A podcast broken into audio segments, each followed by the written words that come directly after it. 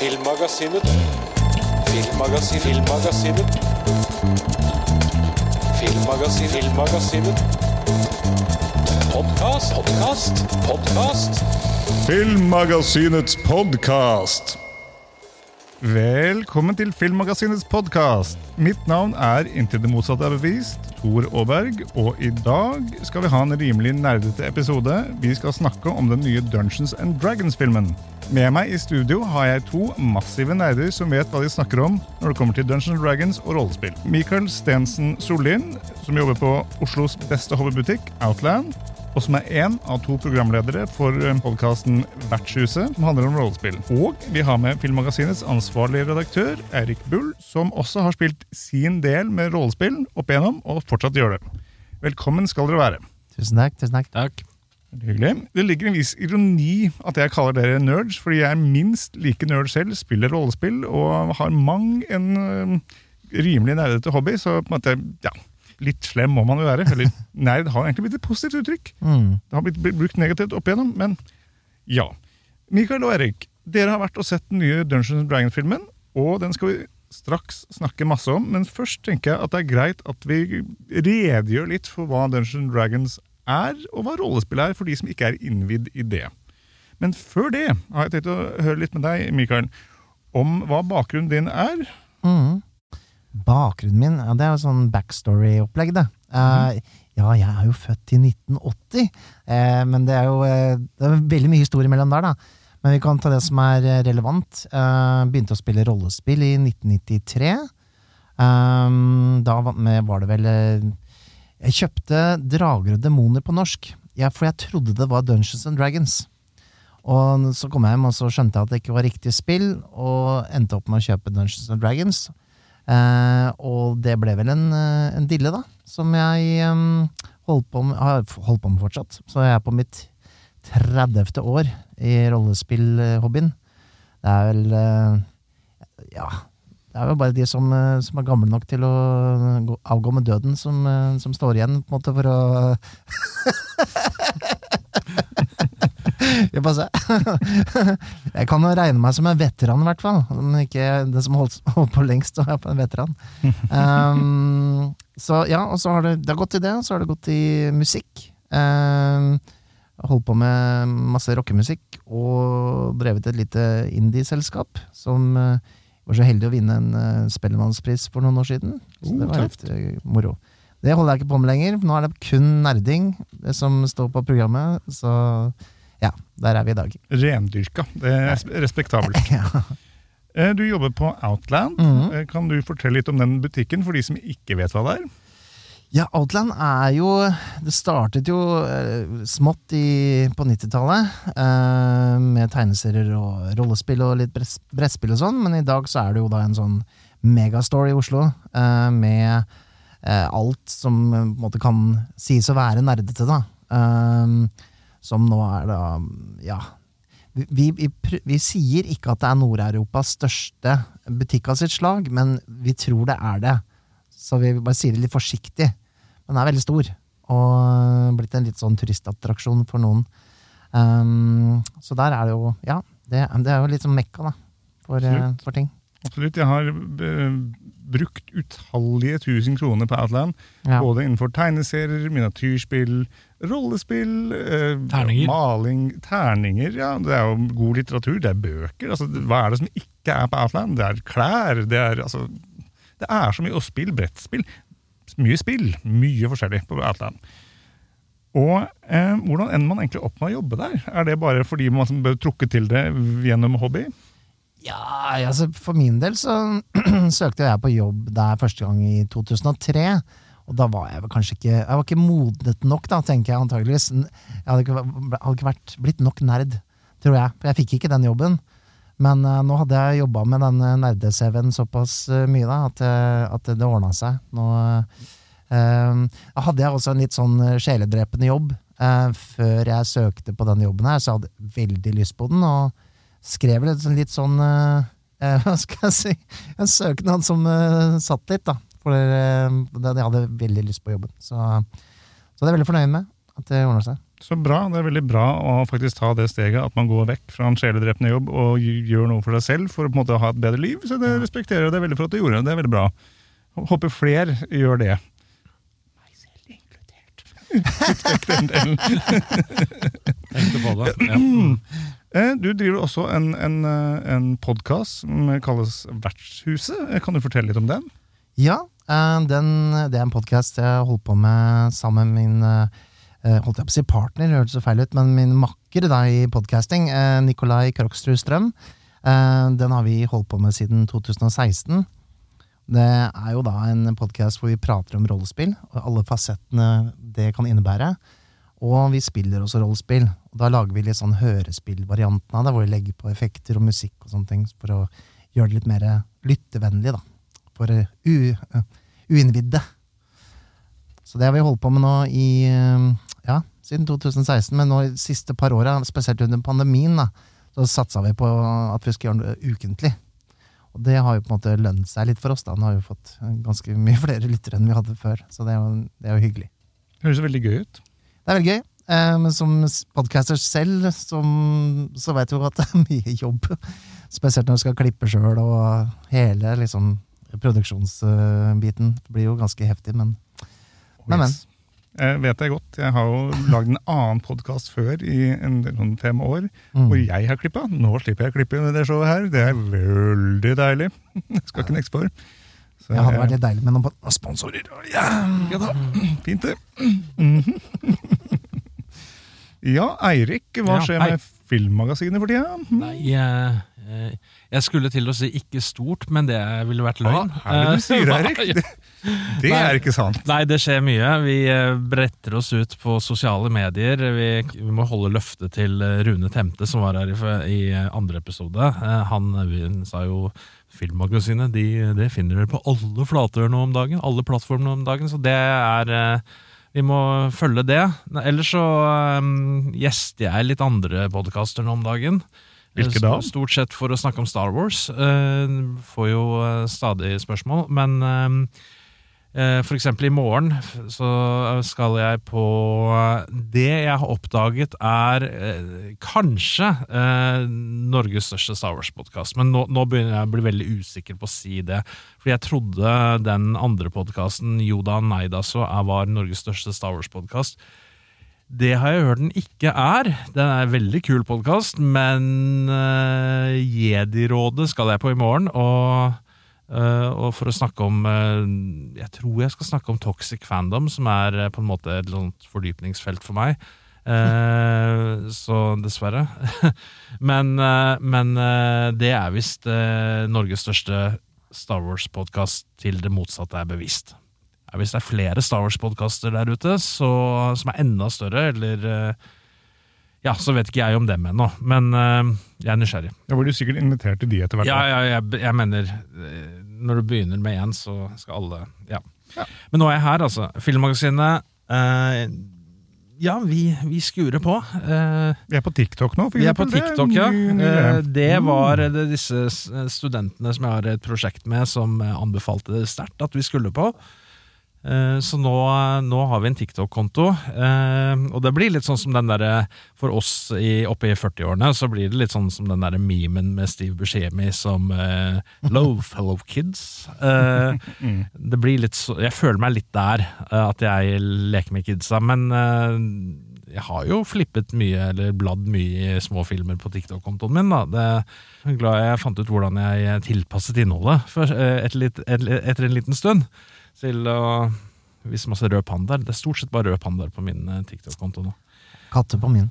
Katter, ja. Selvfølgelig er det katter. Det er, Respekta respektabelt. ja, for det var veldig mye sånn derre Det var veldig mye lettkledde damer på min TikTok-konto helt i starten. Før, før jeg begynte å, før jeg begynte å sånn, Den dannede personen som jeg eh, liker å tro at jeg er, mm. måtte, måtte justere litt, da. Gjorde det at det bare er nå lettkledde røde pandaer isteden. Nei, de har jo ikke noe de har, Det er flotte røde pandaer, og så er det ildre der, og, eh, og filmsaker og sånne ting. Ja. Så får jeg vel presisere at ja, jeg er nerd, men jeg, identifiserer meg Det er det viktig å si. Jeg identifiserer meg mer som en filmnerd enn en rollespillnerd. Så det jeg sagt.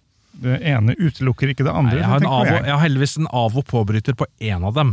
I dag i denne episoden skal vi være begge. Ja, Apropos det, så kan vi jo egentlig bevege oss videre til eh, altså Dungeons Dragons er jo et rollespill. Mm. Men hva er egentlig et rollespill, for de som ikke vet det? Et rollespill, åh, det er, en, det er et sånt spørsmål jeg har fått uh, veldig mange ganger. Uh, alltid like vanskelig å på en måte svare på, men uh, eh, Dungeons and Dragons var jo det første rollespillet. Det kom ut i, først i 1974, så det er jo da snart 50 år gammelt. Eh, men det har forandret seg ganske mye, mye siden den gang. Startet som et, en slags form for krigsspill da, med miniatyrer og har utviklet seg mer til et slags sånt impro-teaterspill rundt et bord. Hvor man går inn i en rolle og eh, agerer på en måte i en verden, da, med terningkast for å avgjøre om eh, eksempel man klarer å klatre opp på taket, eller slå han derre orken i hodet. Rollespill eh, har jo blitt satt på veldig mye forskjellig, men vi snakker her om da det som spilles ved bordet, da, som er og Dungeons and Dragons er da det første av sitt slag. Da. Såkalt pen and paper-rollespill, hvor man på en måte har eh, karakterark, og mesteparten av action foregår i en interaktiv historiefortelling, og man ser for seg ting oppi hodene sine. Det, vi har, eh, I vertshuset har vi da coina en phrase, som det heter på engelsk, eh, og det er da skallekino. Skallekino, den var fin. Den var bra. Ja, Skallekino, kjempebra. Ja, jeg synes at Theater of the Mind ble så pretensiøst, så eh, skallekino er bra. Liker det. Man er da i sin felles skallekino og opplever på en måte et eventyr. da. Rollespill styres litt igjen av en spilleder ofte, en som har på en måte litt Hva skal jeg si en, ikke en, ja, en slags regissørrolle, men uten at det er et sånn helt fast manus. da. Eh, mer en oversikt over verden og eh, hva som kan skje, men ikke planer for akkurat hva som skal skje. Nei, nei, nei. eh, absolutt. Eh, Det blir på en måte sånn at spillerne har hver sin rolle, mens spillelederen, eller GM-en, altså Game Master, eller Dungeon Master som det heter i Dungeon Dragons, er på en måte historieforteller, samtidig som de på en måte beskriver hva, man, hva som skjer, hva man ser, hvordan ting ser ut, og spiller rollene til alle andre karakterer enn de karakterene Mm, mm. man, eh, spillerne spiller. Det høres sikkert skikkelig forvirrende ut for de som hører på det her. Altså. Ja, men det- men eh, det er en greie, da. Det er, det er en veldig morsom ting som man aldri blir helt uh, utlært på. Det er alltid noe nytt å utforske innenfor rollespill. Um, ja, det er en sånn evig hobby, fordi, fordi man finner alltid noe nytt, da. Uh, og derfor vi kan ha uh, nå ja, vi, har ikke, vi har 85 episoder med prat da, om rollespill. Men vi er ikke tomme for temaer enda. Så det er jo ja. Det er vel en av de tingene som eh, En av de aktivitetene som man må liksom Litt sånn som jeg husker man skulle begynne å markedsføre virtual reality. Det er vel litt sånn som det at man må prøve det for å forstå hva det er for noe. Ja. Eh, Så man kan ikke Nå nå hører vi forklare hva rollespill er for noe, så hæ?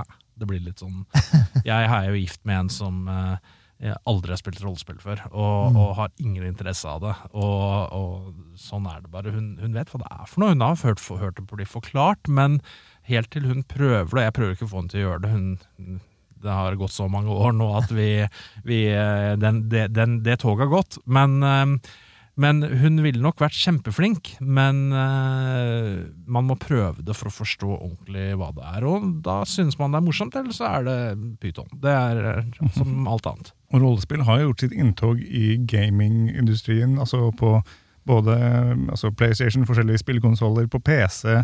Det fins utrolig mye der. altså Det fins jo sånne uh, rollespill uh, spill, hvor Ja. man på en måte spiller roller, men det blir på en måte en interaktiv historie man Altså- spiller på, som man kan se på en skjerm. Men man har også disse MMO-spillene, som, som World of Warcraft og en hel rekke lignende spill. Det er masse eh, industri rundt rollespill som ikke bare er den gode, gamle pen and paper-rollespillet. Søker du på rollespill på internett nå, eller RPG, da, som det, så det, de resultatene du får opp nå, nå om dagen, det er jo selvfølgelig datarollespillene som World of Warcraft, Baldur's Gate, det kommende Baldur's Gate 3, som for så vidt er da basert på Dungeons and Dragons, og et fantastisk bra spill. Eh, så du må presisere, da, eh, nå tabletop RPG hvis du skal virkelig, eller TTRPG hvis du skal søke på, på Google. Ellers så, prøve, ellers er det Det er jo mest vanligst å spille dataspill, så, eh, så det er det den finner først, da, i så fall. Jeg og Eirik har spilt uh, Baldur's Gate uh, 3 uh, allerede litt sammen. Jeg ble så glad da Baldur's Gate ble nevnt i filmen vi så. så Hva trenger man for å begynne å spille rollespill? da? Trenger man spill, da?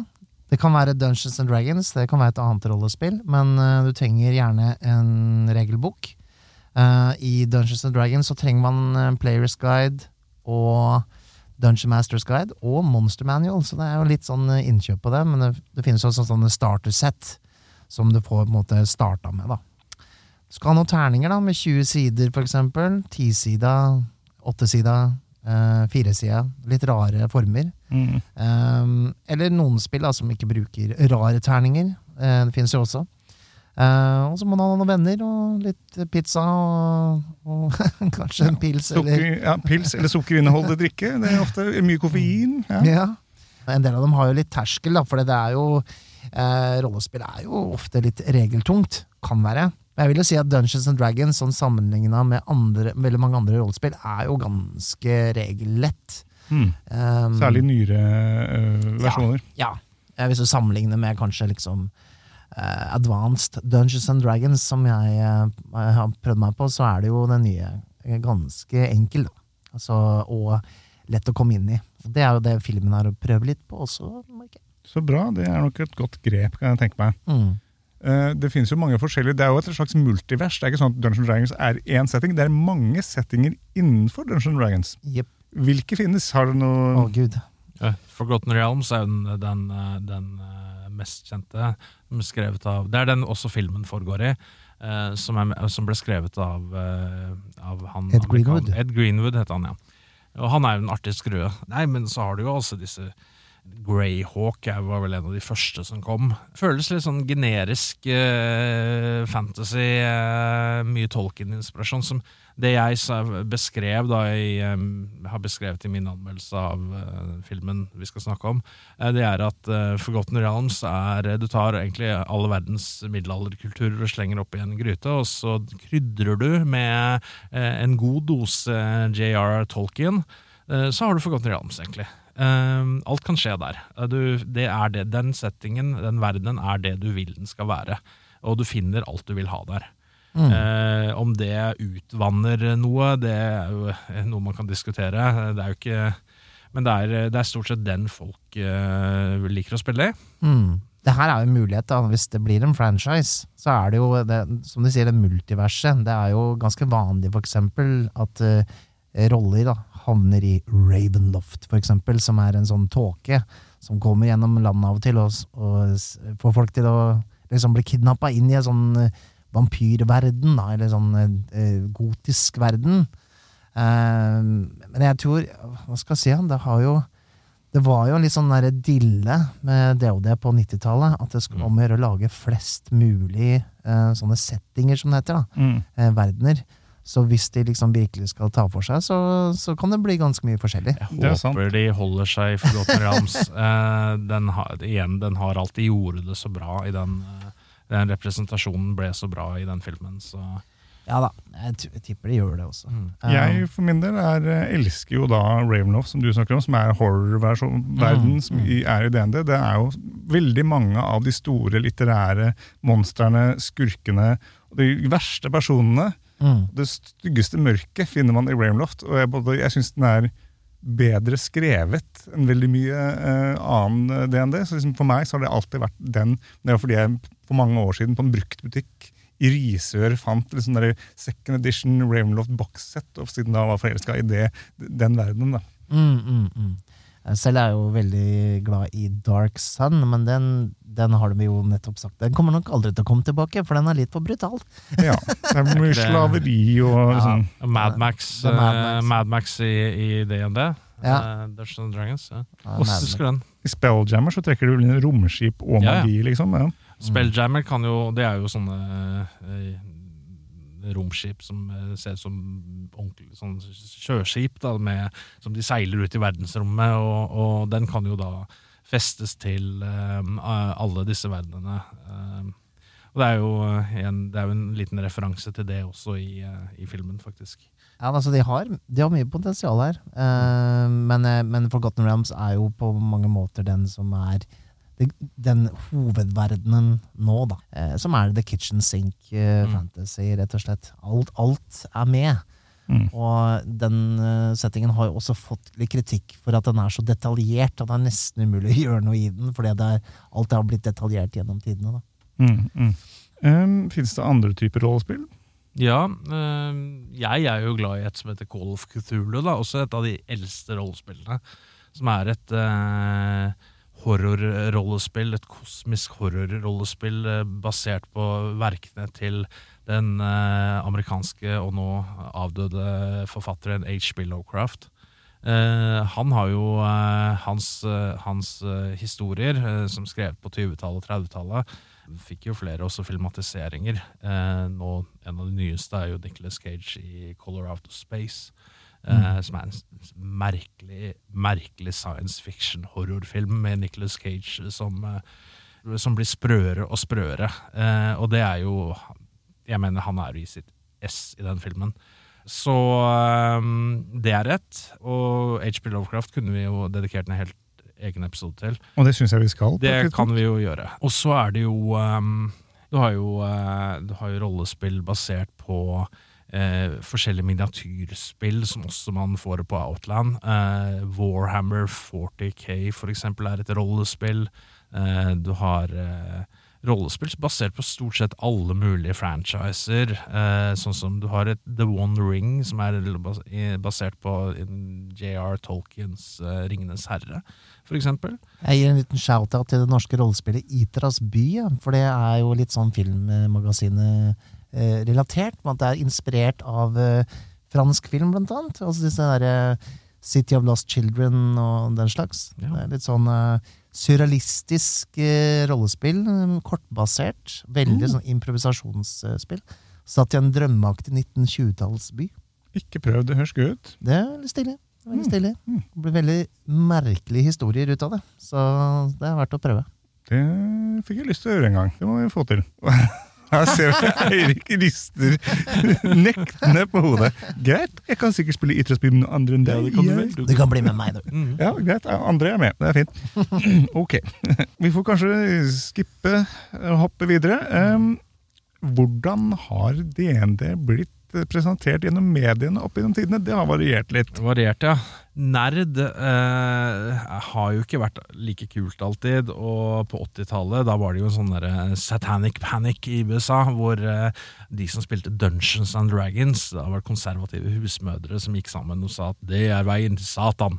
Så, så, men allerede da prøvde Gary Gygax og de som begynte, eh, han som skapte Dungeons and Dragons, til å filmatisere dette. da så han, eh, Men det tok jo sin tid. Eh, Men, eh, men da var det mye. Det var noe dødsfall, og det var noe som, som de, de, da skyldte de på Dungeons and Dragons og aktivitetene til disse, disse, disse ungdommen som satt nede i mørke kjellere og, og, og, og late som de mante fram demoner. Det måtte jo være det. Eh, Og da, det var jo ikke riktig veien. Det var ikke veien til kirken, det som de ønsket, egentlig.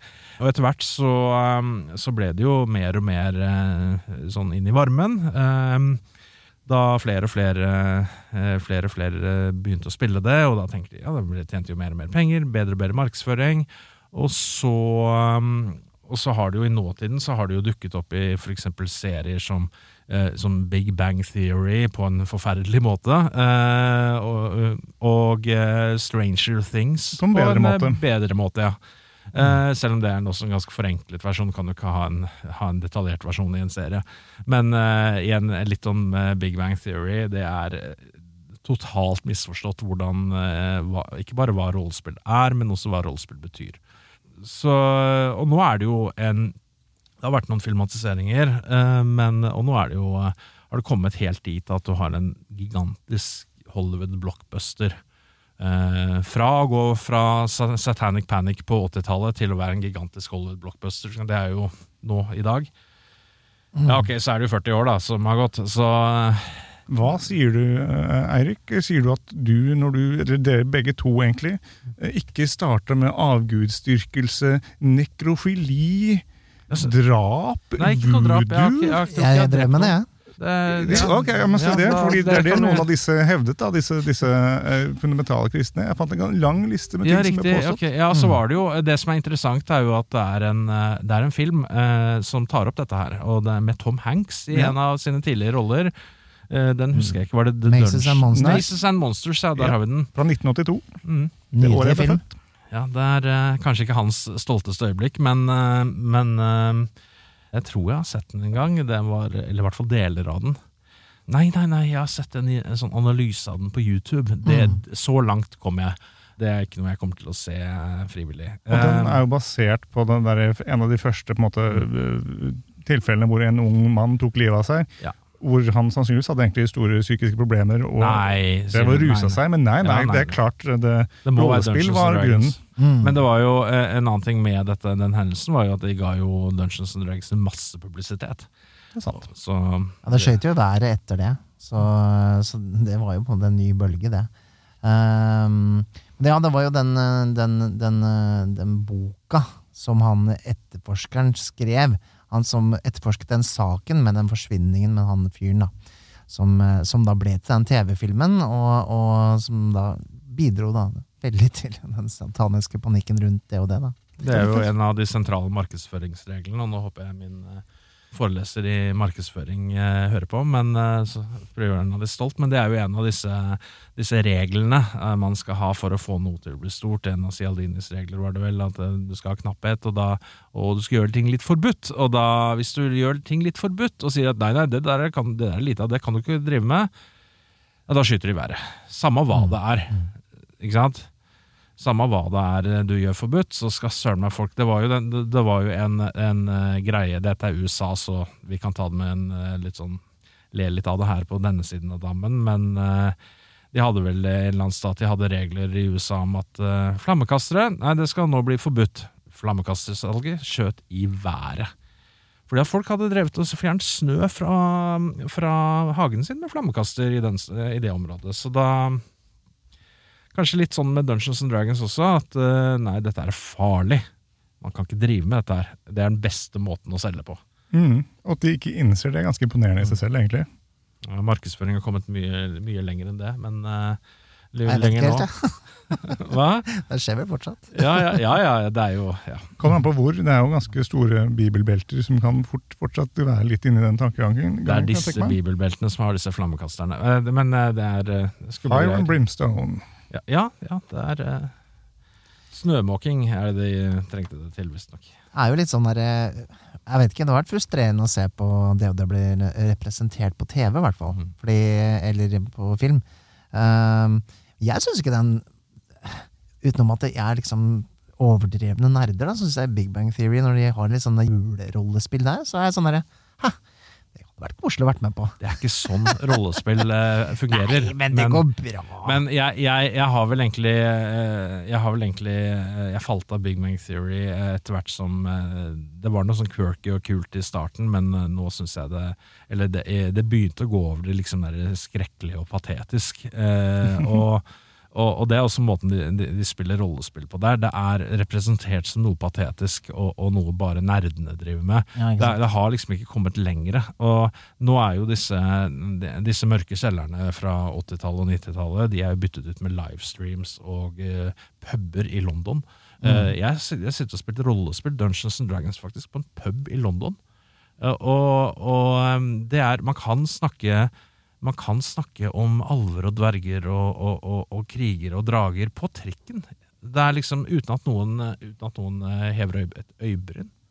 Noen hever sikkert Ja, noen gjør det, men det er disse folka som sender det. Vet du hva jeg gjorde i går? Jeg drepte tre orker. Ja, Ja. ikke sant? ja, det kan jo bli Kontekst, kontekst. Kontekst, ja. um, Jo da, jo da, men sånn som jeg og han som står og filmer her, Jostein, når vi var yngre, så var vi ute og reiste uh, med, med han og familien hans. Da var det sånn at vi spilte Call Cthulhu-rollespillet, som han da på en måte uh, fortalte på en måte, Var spilleleder mens vi reiste rundt på båt andre steder. Og så på en måte bandt han de tingene vi så det vi reiste gjennom, inn i narrativet. sånn at det ble på en måte litt virkelig, og, veldig, skal- og det er et skrekkrollspill, så det funka veldig bra. Det skal sies at Call of Cthulhu kanskje ikke har temaer som kanskje man kanskje skal holde unna av trikken. Um, Ja. så um, Hva gøy. sier du at kosmiske entiteter som vil fortære verden, ikke hører hjemme på trikken? skal du spille Call of Cthulhu på en god måte, så spiller du det Ja. eh, Så er det en del temaer og, som Lovecraft eh, trakk inn, som eh, Ja,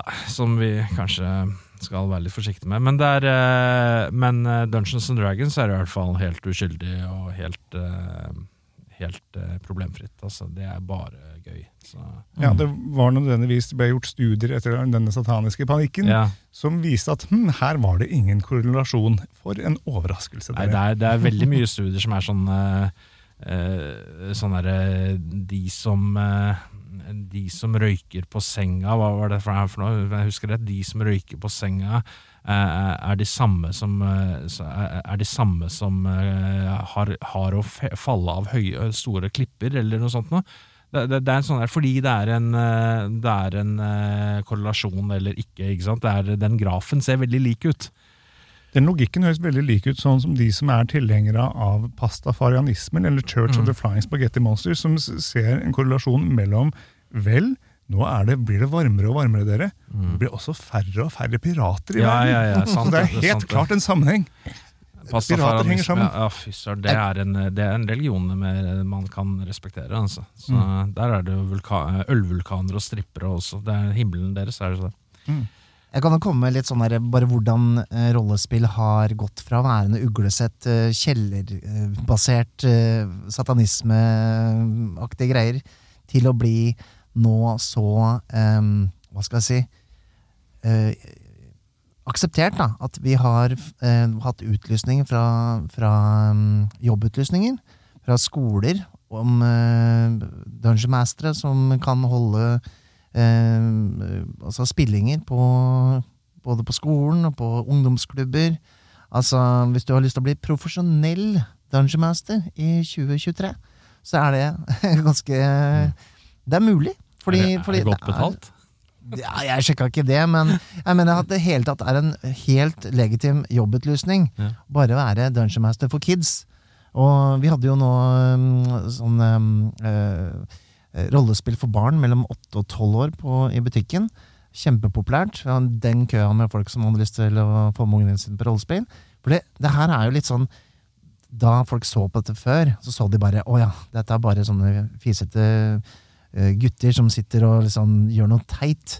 Men det det egentlig er, er jo et sosialt spill. Det er sosial eh, læring. Det er, eh, altså det er det mest sosiale spillet du kan gjøre. Og til og med over brettspill og, og dataspill og alt sammen. For det, det er prating. Det er Samarbeid. håndtere situasjoner, altså sånn eh, problemløsning. Eh, gå litt ut av seg sjøl, spille en rolle. Eh, se ting på forskjellige måter. Eh, det er veldig mye læringspotensial i det. Og ikke, også det å faktisk få seg nye venner. Voksne bruker det til å holde kontakt med gamle venner. For, for min del så har det blitt en sånn ting. Uh, så det er utrolig mange positive sider ved det. God øvelse for de som er eh, spesielt introverte. Mm. For å trekke ut litt grann med, med- hjelp av den rollen man spiller. Det er jo det er også en ting. Folk som har problemer med liksom sosial eh, si, omgang, da, får da liksom litt sånn regler rundt det sosiale. Det kan hjelpe veldig, for, i hvert fall folk som er på spekteret. Og Man kan også leve seg gjennom scenarioer man aldri kanskje ellers hadde opplevd. Man får muligheten til å leve mange liv, være mange personer. Det får man dessverre ikke i, vanligvis i livet, og det tenker jeg er positivt. Det er morsomt å utforske forskjellige sider ved seg selv, eller ja, møte nye utfordringer. Det, er, det, det er gøy. Det er mange som, som også finner kanskje sin nye identitet da, gjennom rollespill. Så det er det er også en ting. Så utforsker kanskje eh, kjønn og legning også gjennom eh, rollespill. Mm. Eh, Jeg tenkte vi skulle snike oss en rask tur innom de, for, de, de tidligere Dungeons and Dragon-filmene. Mm. før, før vi går løs på den eh, si, eh, filmen det, episoden primært eh, skal handle om. Eh, og da har jeg kommet, eller funnet en liten synopsis, eller lagd en liten synopsis av eh, disse tidligere filmene. Får dere bare skyte inn der dere vil. Eh, Jeg har jo da, Den første filmen kom i 2000 og het bare enkelt og greit Dungeons and Dragons. Og Den handler da om keiserinnen Savina, som, som hersker over landet Izmir, med et septer som kan kontrollere gulldrager. Og hun ville gi dette septeret til folket, for, fordi hun elsker folket øh, og vil at de skulle delta. Et veldig demokratisk land, tydeligvis. Men det syns ikke det store magikerrådet i landet, som styres av en mann som heter Profion, som er spilt av, interessant nok, Jeremy Irons, som jeg aldri nødvendigvis hadde trodd skulle snike seg inn i, i, i, i den franchisen, men det gjorde han. Jeg synes det, Hvis det er én ting som redder den filmen, så er det Jeremy Irons. Eh, bare fordi at han vet hvilken film han er med i. Eh, så han, mm. han hamler opp noe så jævlig. Men i tillegg så har han ikke Han har liksom, han har liksom som vanlig sånn advokatsveis eh, i den filmen. Han har liksom ingen som har gjort en effort. han bare sånn Jeg, jeg klipper meg, jeg skal ikke ha noen parykk, jeg skal bare kjøre på, jeg. Så, så, så, det er jo bra, da. Men uh, fortsett. Han spiser jo kulissene i den, den, den uh, filmen der, da. Så, og det er jo Det som skal sies om den filmen, er jo at da den kom i år 2000, så var det veldig mange som Jeg husker ikke hva, når den kom sånn i forhold til Det var jo et år før Lord of the Rings, men Ja. Fantasy var jo på vei opp. da Fordi Lord of the Rings-produksjonen hadde jo allerede begynt i New Zealand. Jeg var jo der i fjor eh, og undersøkte det. Og, eh, og de, de, de jobbet hardt på dette, her, og Lord of the Rings skulle bli det nye store. Og da var det mange sånne der knockoffs, eh, som, knock som startet og bare Vi skal ha ut en film først. Og filmen hadde vel en, et sinnssykt eh, budsjett til å være den tiden. Jeg tror det var Det syntes ikke. Nei, det var 44 millioner dollar, eh, hvis Oi. jeg husker rett. Eh, og det er mye, til og med Det er mid-budget i den dag i dag, det. Og, det jo, og de, de pengene bare rett ut. Altså, det var, og den klarte å ta igjen eh, Nå tar jeg bare fra top of, top of my mind her. Altså, det er en, eh, den gikk underskudd. Den var jo altså man regner en film som mislykket når den eh, ikke bare den går over, men den går over med en viss sum. Den her, jeg tror den tok inn 30 millioner eller 33 millioner dollar eller noe sånt. Nå. Den gikk i dundrende underskudd, så det var et tapsprosjekt for New Line Cinema um, som hadde den filmen. Så, så Men det var jo andre andre, altså de, de, skiltet jo veldig med, med, med Jerry. Jeg hadde, vi hadde gledet oss så innmari. Jeg husker Mm. En av skurkene, han, han henchmanen til uh, Jerry Irons, han hadde en kappe, så, så, og hun sa det ser ut som han har tatt på seg en gardin.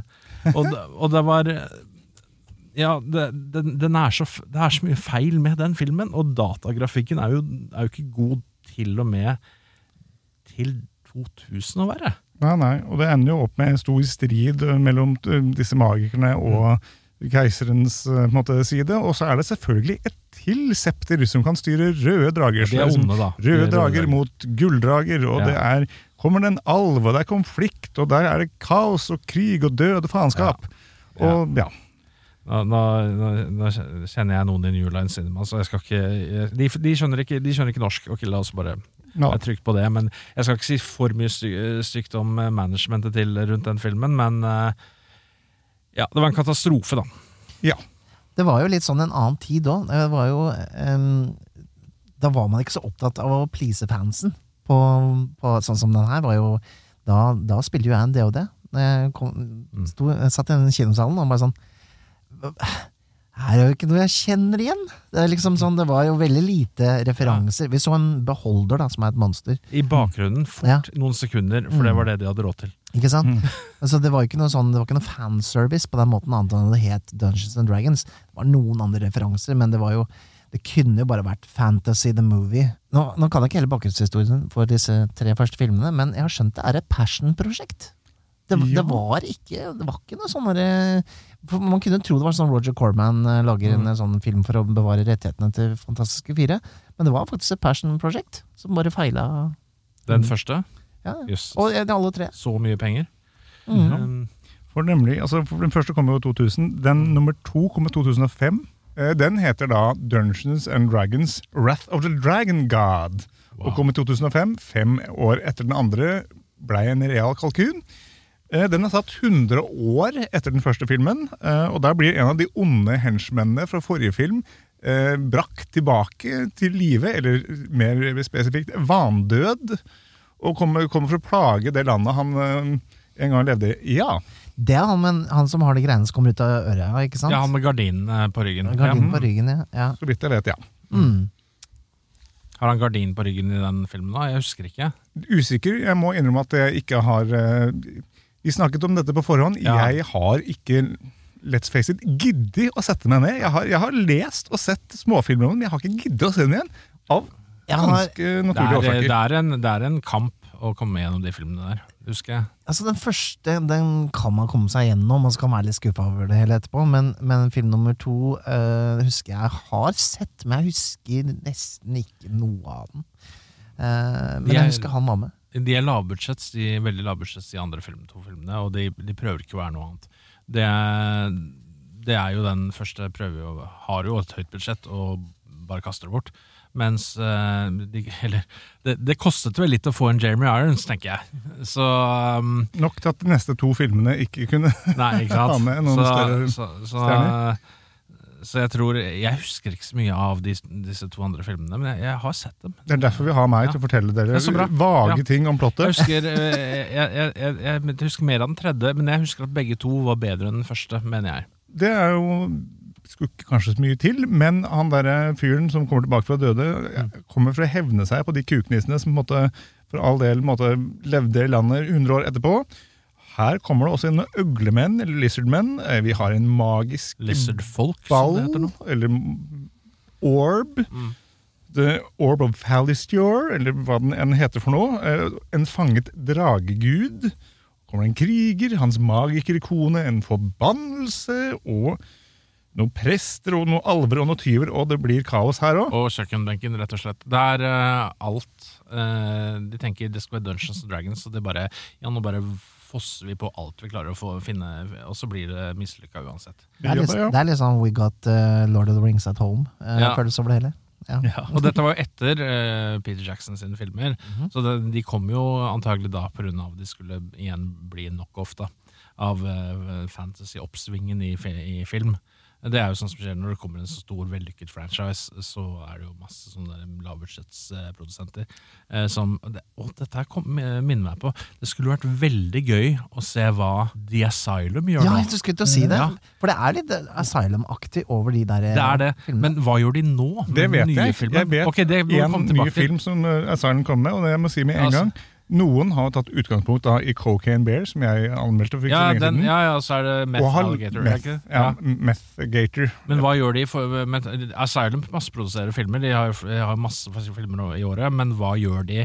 De lager mockbusters, ikke sant? Så nå er jo på en tangent der, altså, men lavbudsjetts med glimt i øyet, vel å merke. Eh, for da Cocaine Bear så sa de 'Hold my bear', ikke sant? Og så med BER, eh, og så har de Meth Alligator. Men hva gjør de som reaksjon på Dungeons and Dragons, som nå går sin seiersgang rundt på Uh, rundt i pressen. Da. Den har ikke hatt premiere ennå, men uh, vanlig premiere. Men hva gjør de, hva er deres reaksjon på det? Det, vil jeg, det må jeg finne ut, merker jeg. Og det kommer jo garantert. Ja, ja, det må være en sånn mockbusters på mock, hva er det sier, mockbuster på den også. Vanskelig å liksom komme på et uh, altså Dungeons and Dragons er jo, Det er ikke så lett å finne på et annet ord som ligner. Det var jo en Pacific Rim og Atlantic Rim. Ja, Det var jo veldig lett for å, å forvirre forbrukerne med. Jeg husker de hadde jo The, the, the Day the Earth Stood Still med Keanu Reeves. Da kom de ut med The Day the Earth Stopped. Og så hadde de Transformers, da kom de med Transmorphers. Og så fikk de snakke om alle versjonene av War of the Worlds de har hatt. Mm. Som jeg har sett alle sammen. Um, så fordi at jeg har en oppheng i den. Um, Masochist. Nei, altså War of the Worlds er mye bra der, men det er også en egen episode, merker jeg. Ja, det, det kan vi absolutt komme tilbake til. Mm. Men det kom jo jammen meg eh, en del år etterpå, i 2012, så kom det jammen meg en Dungeons Dragons-film til. Ja, Det var jo liksom midt i sånn dødpunkt, hvor det, det var ikke noen store fantasy-greier rundt der, var det det? Nei, Nei. men den her het Dungeons Dragons The Book of Wild Darkness. Det er jo en magisk gjenstand fra vårt eh, rollespill. Det er det. Det er det. Så det, i hvert fall det det har jeg i hvert fall brukt noe fra, fra spillet, da. Ja. Mm. Eh, det kommer jo også ut som en egen bok eh, i third edition, eh, mener jeg husker. Mm. Så, så Hva det- gjør den magiske gjenstanden? Vet vi det? Uh, Husker jeg ikke. Filmen Altså, det- gir nok noe clues der. det er selvforklarende navn på den boka. Ja, Det er jo, høres ut som nekronomikon til han Ash fra Able Dead. det er jo litt oppi den gata, fordi det her det som skjer i filmen, da, er jo at det er en ond magiker som heter Nagrul. Nagrul ja. The Foul. The Foul, han, som om du trengte å legge på det. Ja. Ja, Det er kanskje ikke nødvendig med det navnet. Og han selger sjelen sin til en slags demon og gjør seg til til en ekstremt mektig ond bok. En bo- Han gjør seg til bok, ja. Det er sånn da har du- Jumanji-følelse over det hele. Ja, da har du den derre da har du den der, uh, Ash kommer og skal hente Necronomicon med det ansiktet på. Jeg elsker den filmen. Ja. Uh, Men ja, uh, alle som leser denne boka, blir ond. Selvfølgelig. Ja, Så bra. Mhm. Og da er det noen sånne happy-go-lucky uh, happy soldater uh, som følger solguden Pelor, er, som skal redde Pelor? landet. Og har noen magiske amuletter og noe greier. Og 2000 etterpå så kommer en slaskete paladin, altså en hellig kriger. Han får ikke den liksom, magiske kraften alle de andre kriger, si, hellige krigerne får, så han, han sliter litt med Han bruker boken. da. Han bruker boken. Han, ja, han det ender opp at han kommer inn og liksom leter Det etter er ikke flaut å Hæ? få litt hjelpemidler. Eh, Nei. Nei, nei, nei, det er lov til å det, det, Alle trenger en, en hjelpende hånd en gang iblant. Og så er det en sånn snikmorder og en barbar og noen fyr som kan drive og gjøre seg om til noen her insekter og styre noen dyr og greier. Og en skyggealv. Og så ender de opp til at de kommer til en situasjon hvor de selvfølgelig må kjempe mot denne boka og drive og styre med å ødelegge den og hele tatt. Og så er vi sånn der fint øyeblikk av Å, nå som jeg tror på meg selv, så får jeg magiske krefter. Ja, det ble, ja.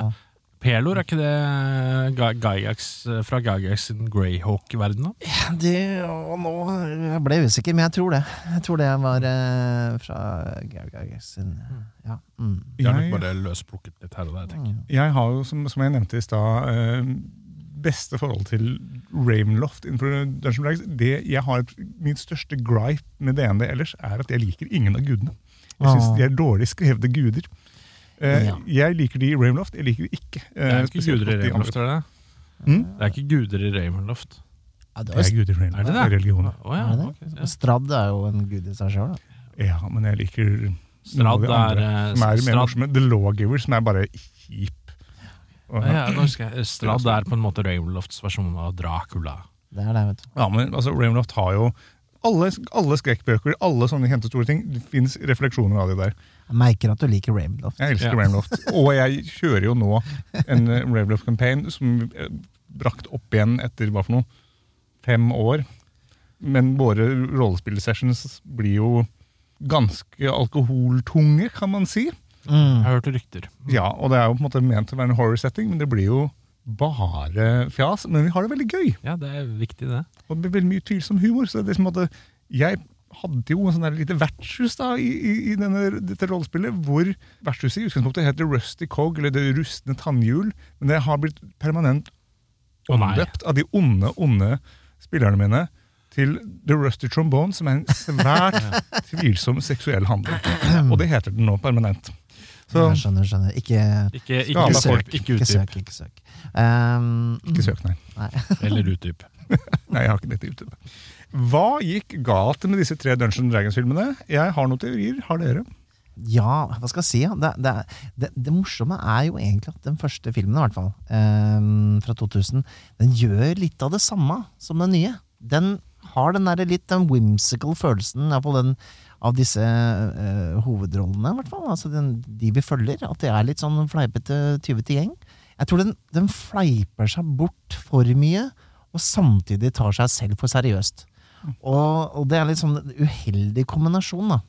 Og så har du jo liksom en, en, eh, På et tidspunkt så bryter jo eh, han dvergen der Bryter jo the fourth wall, som det heter, og, og ser i kamera og kommenterer og sånne ting. Og da mister du liksom altså, Det er ikke den troverdige verden, da. Jeg tror det er det største problemet. Det er, det er fælt å skylde på Marlon Waynes også, men, eh, men i den filmen så var det liksom bare Marlon Waynes er morsom. Vi lar Marlon Waynes bare gjøre noe greier, vi.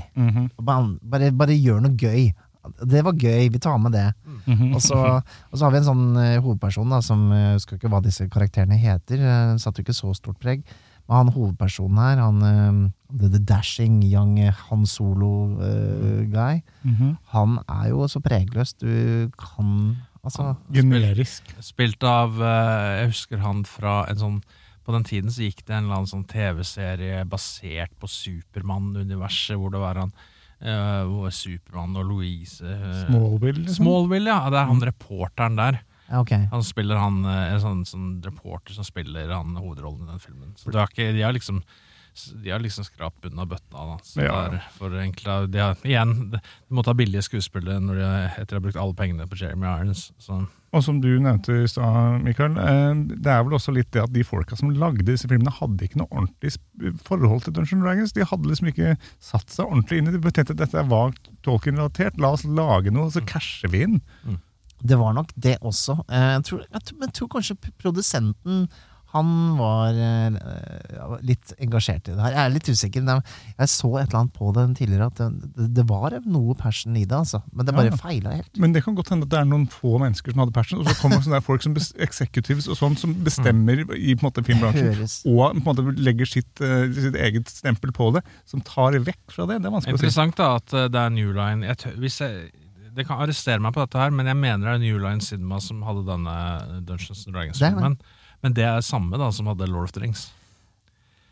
Det er ganske altså sånn, Tenk deg liksom den, den angsten som gikk gjennom selskapet når, når den filmen eh, skulle gi, liksom, eh, bevise hvor, eh, hvor, hvor, hvor stort markedet var for fantasy da, før Ringenes herre. New, New Line Cinema hadde jo, var jo kjent for veldig sånne mid-budget, eh, mye grøssere og Ja. mye sånne snåle filmer. Og, Friday Ja. altså, Hva heter den? da? Uh, Ja, og, og, og, så fikk de jo eh, inn, eh, inn eh, Peter Jackson til å lage Som egentlig er en sånn type regissør som lager sånne små sånne sære ting fra New Zealand. Så til å lage den hiten for dem, ikke sant.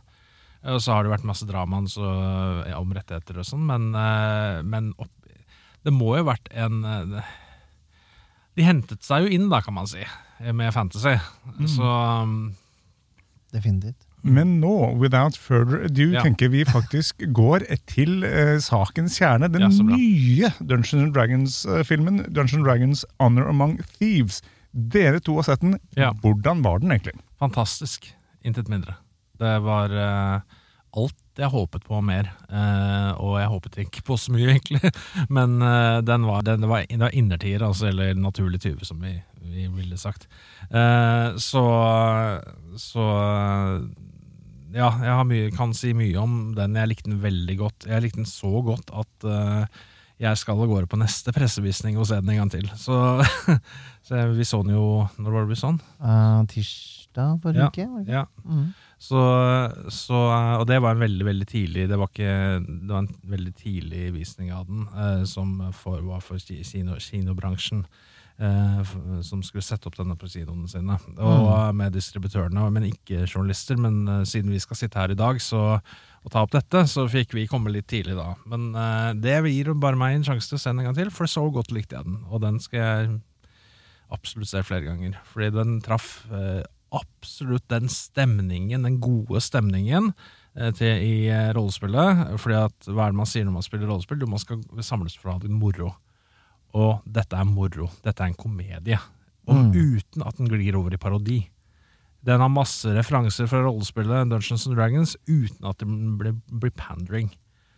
Og um, den tar verdenen Den er satt i seriøst, men de mm, skikkelsene vi møter i den, de er noen fjols, egentlig.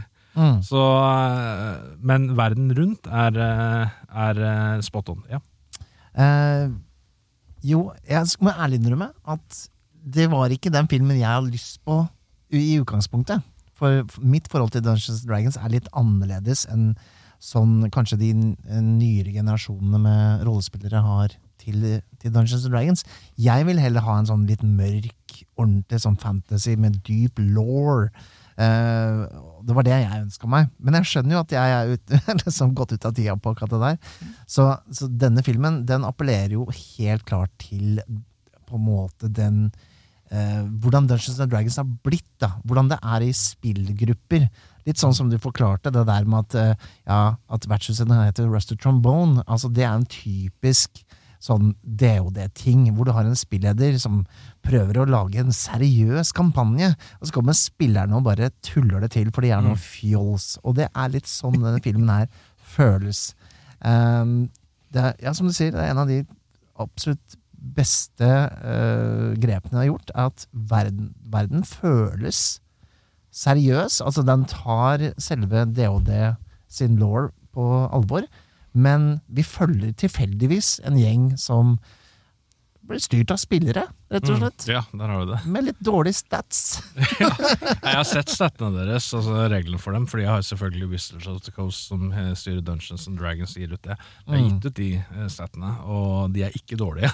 Mm. Så, um, så dette er, eh, for å si, si sånn, høy, veldig høylevelde folk, men eh, skulle man ikke tro når man ser filmen, da. Mm. Men det er, jo, det er jo disse planene de legger. Det er jo, dette er jo liksom en blanding av uh, Oceans Eleven og Dukes of Hazard i en fantasy-setting. Og det, det, er, det er liksom uh, De planene de legger, de helt ville planene de legger, det er som å høre spillere.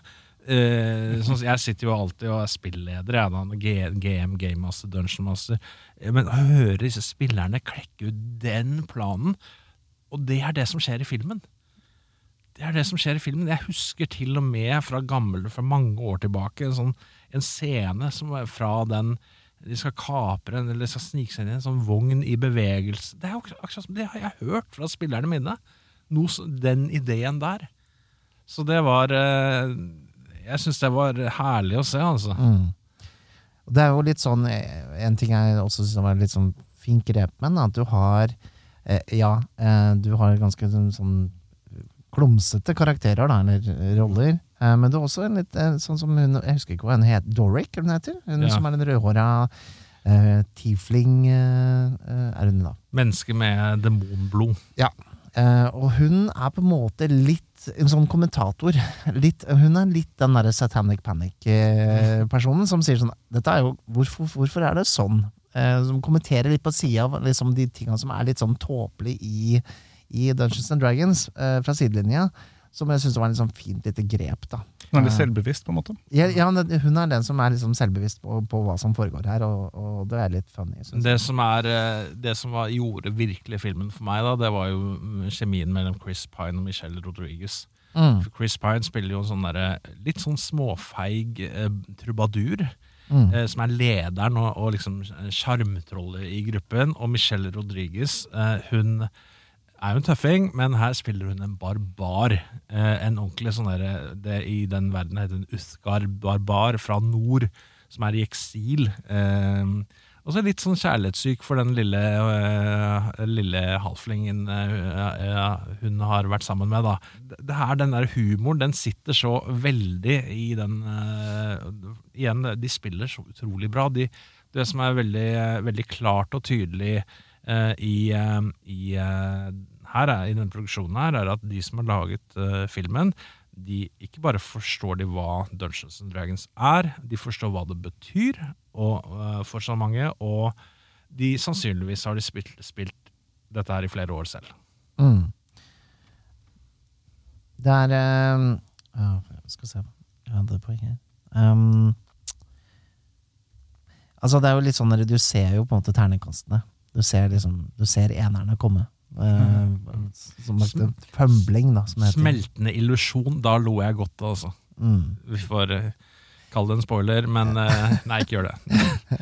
Men eh, ja, den eh, Det er Humoren sitter skikkelig der. Men jo, en, en, ting jeg tenkte litt på, var at da jeg så traileren til filmen, det, da, da var jeg litt sånn grinete. For da tenkte jeg dette her blir sånn Marvel-opplegg. At det blir eh, Her er det sånn franchise-mat. Det her blir en sånn ny Thor eh, Ragnarok. Altså, jeg liker jo den, men jeg syns på en måte at det ofte blir litt sånn eh, Hva skal jeg si? Ja? Litt sånn eh, billig humor, da. Mm.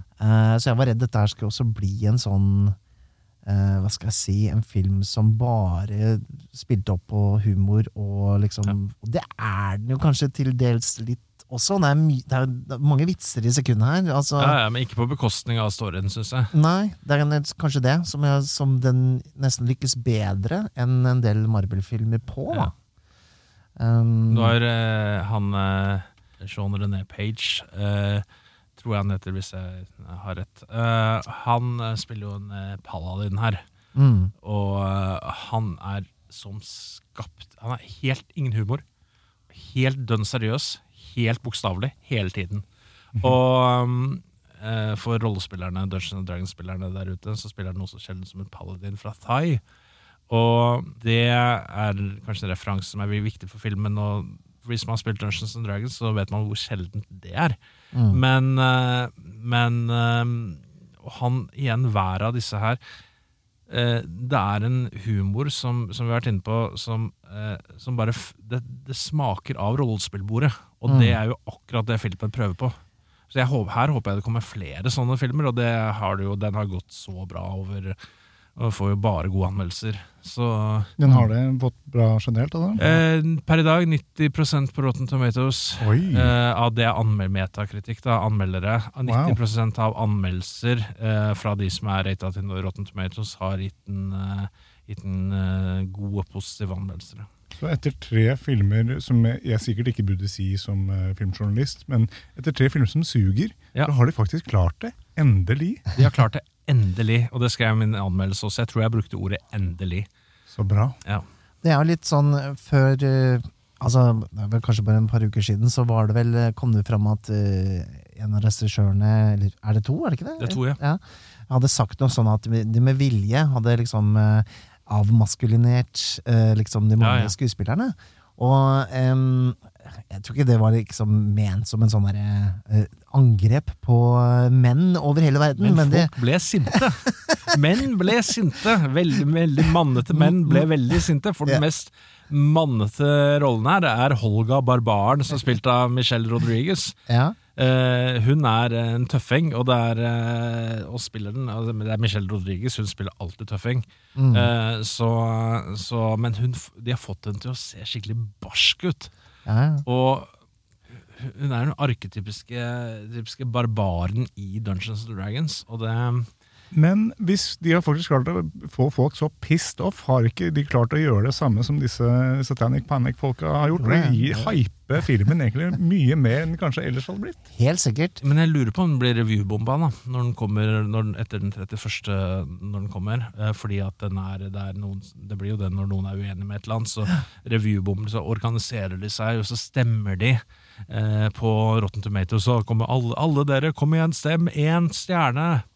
Eller en eh, lav, lav anmeldelse for sånne user reviews. Ikke sant? De skal man jo ikke høre på i det hele tatt, fordi at eh, igjen, så hva som skjedde med Ring, Rings of Power og sånne ting. Så det blir revybomba ned i dørken. Det som er jo litt morsomt, da, er jo det at eh, denne paladinen, da, eller paladin-rollen, er jo på en måte litt den Han er den macho-fyren. Altså, Mm. det er jo den, den Det er jo den rollen fra de gamle filmene, på en måte. De som, altså, sånn, Ja, ja. altså, det er nesten sånn Setter opp et speil mot de gutta som har uh, klagd på dette her.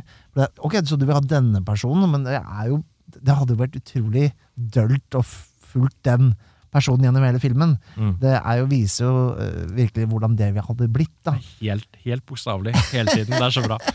Han, du ser, det er en scene, det er ingen spoiler, altså, det er en scene hvor han, han uh, går vekk fra gruppen, og så kommenterer jo da Chris Pine sin uh, Ja, han, eh, han går, ja. Han går. Og det er en stein i veien. Hva gjør han nå? En stor stein. Han går over den. Ja, ja, riktig. Ok, han går rett fram. Ikke ja, det er en sånn type fyr. Ja. Så, så igjen uh, Det er Den fanger essensen med rollespill, og det er jo Hva Ja. mer kan man be om? Og, det, og det er liksom sånn ja, Hvis noen er redd for at eh, menn på en måte altså Det er et angrep mot menn, så kan det i hvert fall det, det, da kan du rulle inn tunga, for å si det sånn. Ja, For det her er ikke det, altså. Det er, eh, det er mer en eh, Hva skal jeg si? Det er en harselering på, på Hva skal jeg si? Dårlig valg. Ja. En rollespill, rett og slett. Eh, og dårlig rull. Eh, men, men ja, det har jo vært flere ting, da. Som har på en måte ledet opp til en kanskje litt sånn eh, Litt vanskelig tid å, å, å utgi spill på, hvis vi er det lov å gå inn på det. Ja, ja. Ja. Fordi har altså, disse sjef, disse Dungeons and Dragons-utgiverne eh, heiv seg jo inn i en kontrovers rett før dette skjedde, altså rundt januar, hvor de Nå er det jo tar det litt tid å forklare hele greia, men de De oppdaterte, skulle til å oppdatere en slags sånn uh, lisens uh, folk har brukt da for å lage uh, sine egne ting da, til Dungeons Dragons. Og skulle da eh, knyte den litt eh, nærmere seg selv, og rett og slett eh, få litt penger fra folk som lager ting til det og det. Det gikk ikke så godt hjem, så det har vært en litt sånn boikott-tendens før denne filmen her. Og det er jo innmari synd, da, fordi at det er jo Det er ikke liksom filmen du uansett bør boikotte, for den er jo faktisk et, et kjærlighetsbrev til Ja. Dungeons and Dragons. Absolutt. Helt uavhengig av uh, om selskapet som gir det ut, på en måte bæsja litt på Jeg tror de har, eh, de har jo snudd på det. Og så, jeg tar det knusende med ro, i hvert fall. Jeg har for lyst til å spille Dungeons and Dragons igjen. Jeg tross den filmen der. Så, det, det er bra. det samme. Det er det, det som jeg syns er litt rart, for jeg er jo Uh, ikke så stor fan av den nyeste versjonen av Dungeons and Dragons selv, personlig. Uh, men da jeg så filmen, så var jeg sånn der Flate, skal jeg gå på ei runde til, eller? Skal jeg, for det, her, det ga meg litt jeg, kan være, inspirasjon. jeg kan være spilleder, jeg. Nei, men eh, anmeldelsen eh, Kommer snart. kommer snart. Eh, skal vi se. eh, Den er vel ute når denne episoden kommer ut. Det vil jeg tro den er, ja. Det er den vel da den kommer ut på tirsdag 28. Les den på filmmagasinet.no. Ja. Tror du det kommer til å bidra til at vi får flere rollespillere? Sånn Det tror jeg. Altså, Mm. Når det har den effekten på meg at jeg vil tilbake til Dungeons and Dragons da, Og jeg er jo på en måte Skal jeg spille Dungeons Dragons? Jeg klarer så vidt å spille rollespill om dagen. Jeg tror den vil ha en god eh, Den vil legge penger i kassa til Wizards of the Coast, ja. Det tror jeg. Mm. Ja, det eneste jeg ser som kan bli problematisk, er eh, hvis jeg skal komme med en kritikk mot filmen, da, Mm. så er det jo det at kampene i uh, Honor Among eh, Thieves går veldig fort. Og i, De er veldig kule! ja, veldig kule, men i uh, Dungeons and Dragons-spillet så er det jo litt sånn rull initiativ, og så Ja, ja. tar det en to timer å bli ferdig med den kampen som tok Ja, ja, eh, man er, eh, fem, fem sekunder. veldig. Ja, det er et, det er et spill, det er et brettspill. Eh, som tenk, li- for, for mange det tenk litt brettspill på rollespillet. Mm. Men i filmen så er det jo eh, altså, eh, Michelle Rodriguez bankefolk. Det er kjempegøy. Mm, mm. Så Gjerne menn i store rustninger får pryl av hun. Så, så Er, ja. ja, Det høres ut som dere anbefaler den. ja, jeg anbefaler den noe veldig. Eh, jeg skal ikke si hvor mange stjerner jeg ga den, men det kommer kanskje litt, litt sånn fram med hvordan jeg snakker. Men, eh, men eh, les anmeldelsen, absolutt. Hmm. Det er en eh, Å ja, så veldig. Uh, Så, så jeg, jeg anbefaler den. Og jeg, det, det jeg eneste jeg er litt bekymra for, er at det, er en del som vil holde seg unna fordi de ikke kan noe om Dungeons and Dragons. Og at de tenker at liksom Det ser jeg også at de sier i intervjuer og sånne ting. You don't have to see the You don't Ja, have to know the game. Men, eh, men For det er liksom Det, er- det er fantasy. Og, Men Dungeons and Dragons er også et veldig bra spill, rollespill å starte med. mm, I hvert fall det er sånn det er nå. Uh, sånn femte utgave av Dungeons and Dragons er veldig brukervennlig. Altså. Det er den, syns jeg òg. mm. Og Forgotten Realms, den verdenen som filmen er satt i, det er den du får hvis du begynner å starte Dungeons and Dragons. Du, du begynner å spille det. Da er det den da du De, de stedene de, eh, de er i, i filmen. Så det er til og med en bok som er delvis tie-in til filmen, som er, eh, har kommet ut nå. Der kan du Jeg tror du kan eh, ja, For det er vet en av eventyrene i den som du kan spille litt eh, i det fengselet i starten av Ja, oppe i Icewind Mm. ja. Så kan du oppleve litt av det selv. Mm. Um, Og så kan du til og med spille det med med disse eh, rollene, hvis du vil. I, spille de rollene fra filmen, fordi at de er lagt ut på uh, Wizards of the Coast sin nettside nå. mm. Så man kan gjøre det selv. Ikke dårlig. Ja, men det høres ut som en film man burde gå og se på kino. Jeg merker etter den beskrivelsen her at jeg definitivt har tenkt å gjøre det selv. Ja, da har vi jo snakka mye om den nye Dungeons Dragons-filmen. Og da tenker jeg Vi har to faste segmenter. Har dere sett noen gode filmer i det siste, som da i dette tilfellet ikke er Dungeons Dragons? Ja, jeg eh, kom nettopp egentlig fra å se John Wick eh, 4. Eh, det er en eh, Og den er jo, når den episoden her eh, kommer ut, så er jo den allerede på kino. Den er en nesten tre timer lang heidundrende actionfilm, altså som bare teamet bak John Wick klarer å få til. det man sitter og lurer på med den filmen, er ok, hver John Wick-film har jo toppet den forrige med ville actionscener, men uten at de blir teite. De blir ikke teite i, sånn som visse andre actions-franchiser er. Men eh, nå lurer jeg litt på eh, om noe annet klarer å toppe den her. Altså tre timer med Altså, hvis du, hvis du ikke Hvis actionfan og ikke blir gira av å høre disse ordene, altså eh, Altså Reeves med pistoler, igjen med alt, egentlig, eh, og Sanada med en katana. Da, det er sånne actionfans bør, bør, bør være, bli gira for. For alt det får du i den filmen. Eh, der er actionscener som varer kvarter, 20 minutter. Og det tar liksom ikke stopp. Yes, Jeg har vært og sett Infinity Pool, den nye filmen til eh, Brandon Cronberg. Nå har jeg lenge vært fan av David Cronberg, som lager weird ass sci-fi horrorfilmer med sånn merkelig kroppslig fokus. Sønnen hans er jammen ikke dårlig selv.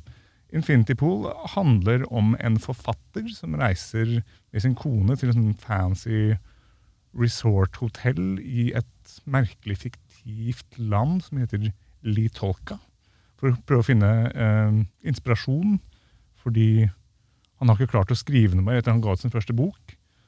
Og da møter de ganske kort tid etterpå et annet par som eh, tar dem med ut og liksom utforsker Dette er liksom et lite merkelig, veldig eksotisk land, merkelige skikker og merkelig skriftspråk. og Alt er liksom weird. Og de har fått streng beskjed om at vi skal ikke forlate resorthotellet, hotellet, ikke det området. Det er farlig å bevege seg ut i folket her. Og der skjer det merkelige ting, og de ender opp med å bli arrestert etter en stygg eh, ulykke. Det her skjer ganske fort i filmen, så jeg spoiler ikke veldig hardt her. Og han kjører i hjel en person, han, han hovedpersonen, eh, spilt av Alexander Skarsgård, forresten, i en utmerket rolle, og med Mia Goth i en annen eh, god rolle. Det er et spennende navn, Mia Goth, vi har der. Eh, Det ender opp med at han må da enten bøte med livet, eller betale for å få produsert en klone som tar hans plass i henrettelse. Så på en måte, enten så kan du dø, eller betale for å få lage noen som må dø i ditt sted. Og det er på en måte bare premissen for filmen, for den, den er weird, og den tar av. Den er mørk, den er psykoseksuell, den er surrealistisk, den er eh, voldelig, den er blodig, den er stygg, og den utforsker stygge menneskelige sider. Og det liker jeg kjempegodt. Jeg, digga den filmen. Jeg, liker jo Cronberg, men der Cronberg, den eldre Cronberg utforsker det kroppslig ubehagelige, utforsker den, her, den yngre Cronberg det mer sjelelige og indre mørke og det stygge der, og det funker, altså. Interessant Han Interessant gjorde en familie. god jobb. Mm. Så se den. Det, se, hvis du liker fucked up, dark shit, gå og se den filmen. Ja, det gjør jeg faktisk. Jeg gjør det. Så, Jeg har jo sett filmer i det siste, men jeg har egentlig mest sett litt gamle filmer. Mm. Uh, men jeg, jeg har prøvd da, nå å komme meg gjennom hele Walking Dead. Mm. Fordi det har vært en litt sånn torn min side. Jeg stoppa på sesong tre sist gang, og nå har jeg kommet meg helt til slutten av sesong ti. Eh, litt igjen for at, eh, Apropos rollespill, så kommer det da et eh, rollespill basert på The Walking Dead. Det er på Kickstarter nå. eh, som Jeg syns det var en rar lisens å, å lage rollespill på, men nå som jeg har sett den serien, da, så tenker jeg at det kan bli ganske spennende. For det er hele den derre Det er jo ikke zombiene som er fienden, det er på en måte menneskene og hvordan de på en måte taper seg selv, eller altså Det det er mye å spille på, da, som kanskje et ro- voksent rollespill. Og um, jeg sliter litt med å komme meg gjennom dette her. Jeg, jeg kan ikke følge med hele tiden, kjenner jeg. Men nå er jeg nesten i mål, altså. Da hang in there. Ja. ja. Det er eh, slutten av sesong ti, og snart på vei mot eh, sesong elleve nå, som er den siste. Det, da, da tror jeg jeg skal kjøpe meg en uh, bløtkake. Og En champagneflaske. ja, et eller annet. Har du noen serier du vil snakke om, Erik? Jeg har en serie uh, som eh, jeg ikke har, egentlig har begynt på ennå, men ligger hjemme og gleder seg, jeg gleder meg til å begynne, begynne på den. Den heter Silo. Eh, den kommer på Apple eh, TV Plus i mai. Eh, så vi er jo i denne jobben her som får ting kjempetidlig. Men det er med Rebecca Ferguson, som er jo kjent fra Mission Impossible-filmene. Det er en postapokalyptisk sci-fi-drama. Eh, hvor uh, jeg tror det er 100 000 mennesker, de siste gjenlevende i verden, har, eh, har bor i en gigantisk silo under bakken. Og der har et samfunn som de overlever. Ingen vet hvem som har laget denne siloen i det hele tatt. Og de som prøver å etterforske hva som skjer, eller hvor, da, hvor denne siloen kommer fra, og hva som egentlig skjer på overflaten, de forsvinner. Eh, og hun spiller en arkitekt, tror jeg, eller eh, noe lignende, som eh, har leter etter noen, og da begynner å nøste opp i disse mysterier. Her det er basert på en boktrilogi, hvis jeg ikke tar feil, som er, har fått veldig god anmeldelse. Den, og jeg gleder meg Jeg gleder meg veldig til å begynne på den serien her i helgen. Hørtes litt som en sånn speilvendt Lost ut, egentlig, for min del. Men Ja, ja, den... eh, begynner nede i siloen. Ja, ja, ja ikke sant? Er, eh, her er det, men dette er jo sånn samfunn, sånn by, da. eh, som eh, jeg, jeg mistenker at det er noe eh, Kanskje noe veldig sci-fi-ish. Jeg har sett noen bilder som virker veldig sci-fi-aktig. Så den, eh, den, eh, den eh, har jeg ikke begynt på ennå, teknisk sett, så den, eh, men den ligger og venter. Den kommer i mai på Apple TV+. Jeg har jo sett litt serier i det siste, men ingen som jeg har faktisk så lyst til å snakke om. Oh, ja. Så jeg tror heller jeg skal være lat og rett og slett bare gå for min standardløsning der, som er det er ingen serie jeg elsker mer enn Twin Peaks. Hvis du ikke har sett Twin Peaks, gå og se Twin Peaks. Twin Peaks er best. Um, Eh, Det kan jeg skrive under på, altså. Mm. Så på en måte, lat i dag, Twin Peaks. Ja, Twin Peaks. Um, ja, jeg tenker vi begynner å runde av, men eh, har du, eh, Mikael, noe du har lyst til å plugge eller snakke om sånn på, på tampen? Ja, alltid noe plugge, vet du. Nei, altså, vi eh, holder jo på med podkasten vår, da. Vertshuset. Så uh, hvis du er interessert i uh, rollespill og finner litt uh, mer ut om det, eller hører høre på å spille rollespill, så er det jo bare å, å finne det på de vante stedene. Eller så er det jo at eh, ja, jeg driver og skriver et rollespill, som eh, blant annet eh, han makkeren min i vertshuset, som, som vil komme ut mest sannsynlig i år som heter Dragepust. Så se opp for det når det kommer. Ellers så er det ikke noe mer å plugge for nå, i hvert fall. Bra. Ja, tusen takk for at dere kom i dag, og tusen takk til lytterne for å ha hørt på. Og farvel. Gå på kino i nær framtid. Se enten Dungeons Dragons eller Infinity Pool. Snakkes! Følg oss på Facebook under navnet Filmmagasinet, på Instagram under navnet filmmagasinet.no, på Twitter med at Filmmagasinet, og nå, helt nytt, på TikTok med at Filmmagasinet. Med oss i studio har vi Lilla Lyd, som styrer lyd og teknikk. Introvinetten er laget av Francesco Hygen Pudo. Tusen takk til Bauer Media for godt samarbeid og utlån av studio. Ansvarlig redaktør for Filmmagasinet er Eirik Bull, og mitt navn er Tor Aaberg.